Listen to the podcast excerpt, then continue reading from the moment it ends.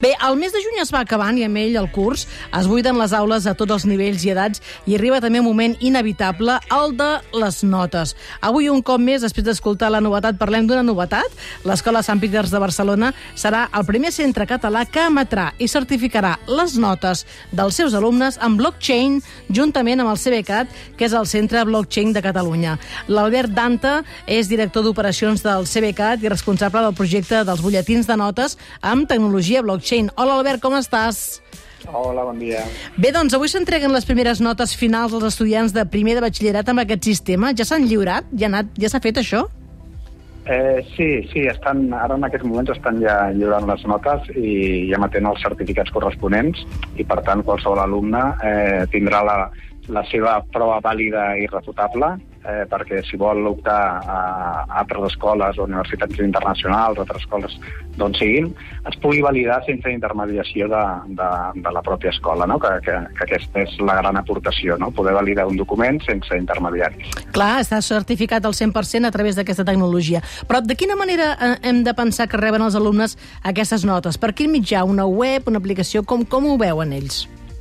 El, el, el, les certificacions les poden descarregar igualment, el que passa que en qualsevol moment aquell document es pot validar a, a la blockchain. No? Mitjançant una pàgina web tu introdueixes el document i, per tant, aquell document et diu la validesa total que està signat per les, per les parts i, per tant, que no s'ha modificat ni s'ha alterat. Uh -huh. um, com i des de quan heu esteu treballant amb aquesta escola, amb la Sant Peters, en aquest projecte? Mira, vam, precisament en el Cat de l'any passat vam fer una taula rodona sobre tecnologia blockchain i, i educació i, i, i vam començar a, a pensar o imaginar maneres de, de com es podia aplicar i, que, i, i precisament a la taula rodona aquesta va sortir doncs, que el tema de les notes i notificacions era una cosa que era perfecte, perfectament viable i que fins i tot eh, no, no, no tenia grans problemes tècnics per, per desenvolupar-ho i llavors van començar a parlar de, de com fer-ho i on fer-ho i en quin moment amb, amb els Sant Peters.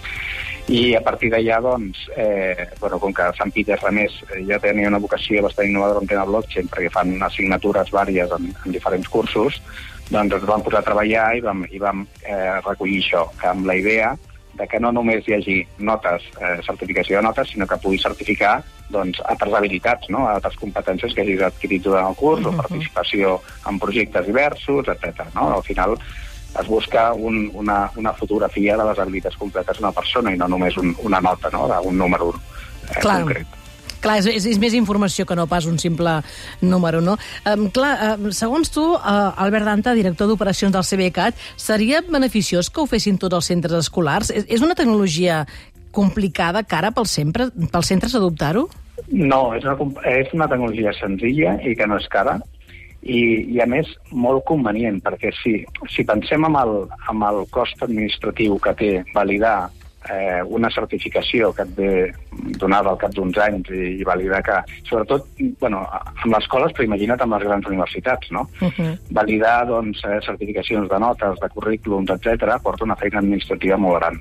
I, per tant, el descentralitzar-ho i no haver de fer treballar ningú per validar un, la documentació seria una cosa interessantíssima, a part del eh, reduir el frau evident que hi ha amb tot el tema de titulacions, no? Eh, quan eh, bueno, està a l'ordre del dia, no? El, si al final el document és un PDF eh, que entregues en paper, imagineu-vos la, la quantitat de frau que pot haver aquí, no? Per tant, es, es garanteix credibilitat dels centres, es garanteix eh, el, doncs la, la validesa eh, millora en totes les parts, no? Disminueix -huh. la tasca administrativa, per tant... Clar, és molt difícil, el que tu dius, no? Super difícil de manipular, un, un, no? Amb aquesta tecnologia, super difícil. Sí, és, és, és impossible manipular el document i pràcticament impossible manipular l'origen de les dades.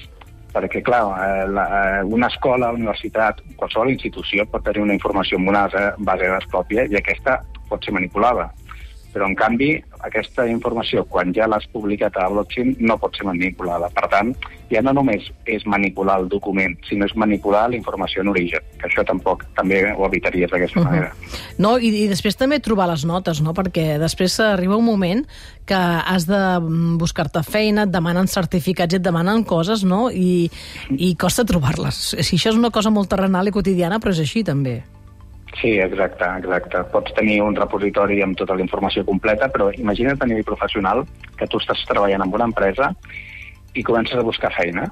I llavors, clar, les referències que tu dones les comencen a preguntar als, als referenciats. Clar. De manera que tu estàs quedant exposat, la teva privadesa està quedant totalment exposada i al final pot acabar sortint a llum que estàs buscant feina, perquè els sectors són petits d'alguna manera, no?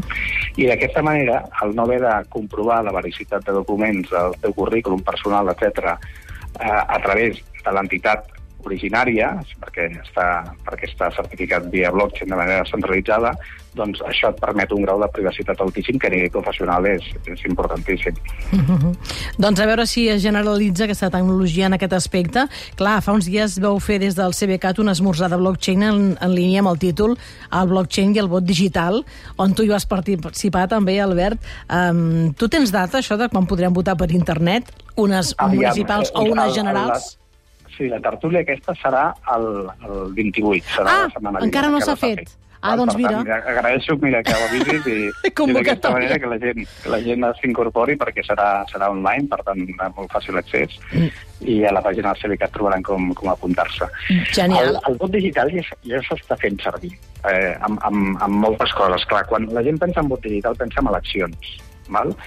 I eleccions, eh, aquí el tema no és tecnològic, és un tema de, de voluntat política, bàsicament. Sí, sí, sí. Perquè tecnològicament la, la, la votació està demostrada, aporta molts beneficis, més major seguretat, eh, eh, no, el recompte no, no pot fallar, eh, la privacitat ja està garantida, i per tant és un tema de voluntat política, no, no, no, no, Mhm. no és un tema de, de, de tecnologia, no? perquè ja s'ha- ja s'utilitza habitualment en altres, en altres entorns. En sí, de moment s'ha fet en, en eleccions, no sé, recordo el Barça, per exemple, o la Cambra de Comerç, no? S'ha- S'han fet aquest Exacte. tipus de... de S'ha fet servir el vot digital, el vot per internet, però en canvi els polítics no es posen massa d'acord. Escolta, Exacte. Albert Danta, director d'operacions del CBCAT, moltíssimes gràcies per explicar-nos tot això. Gràcies. A vosaltres. Moltes gràcies a tu.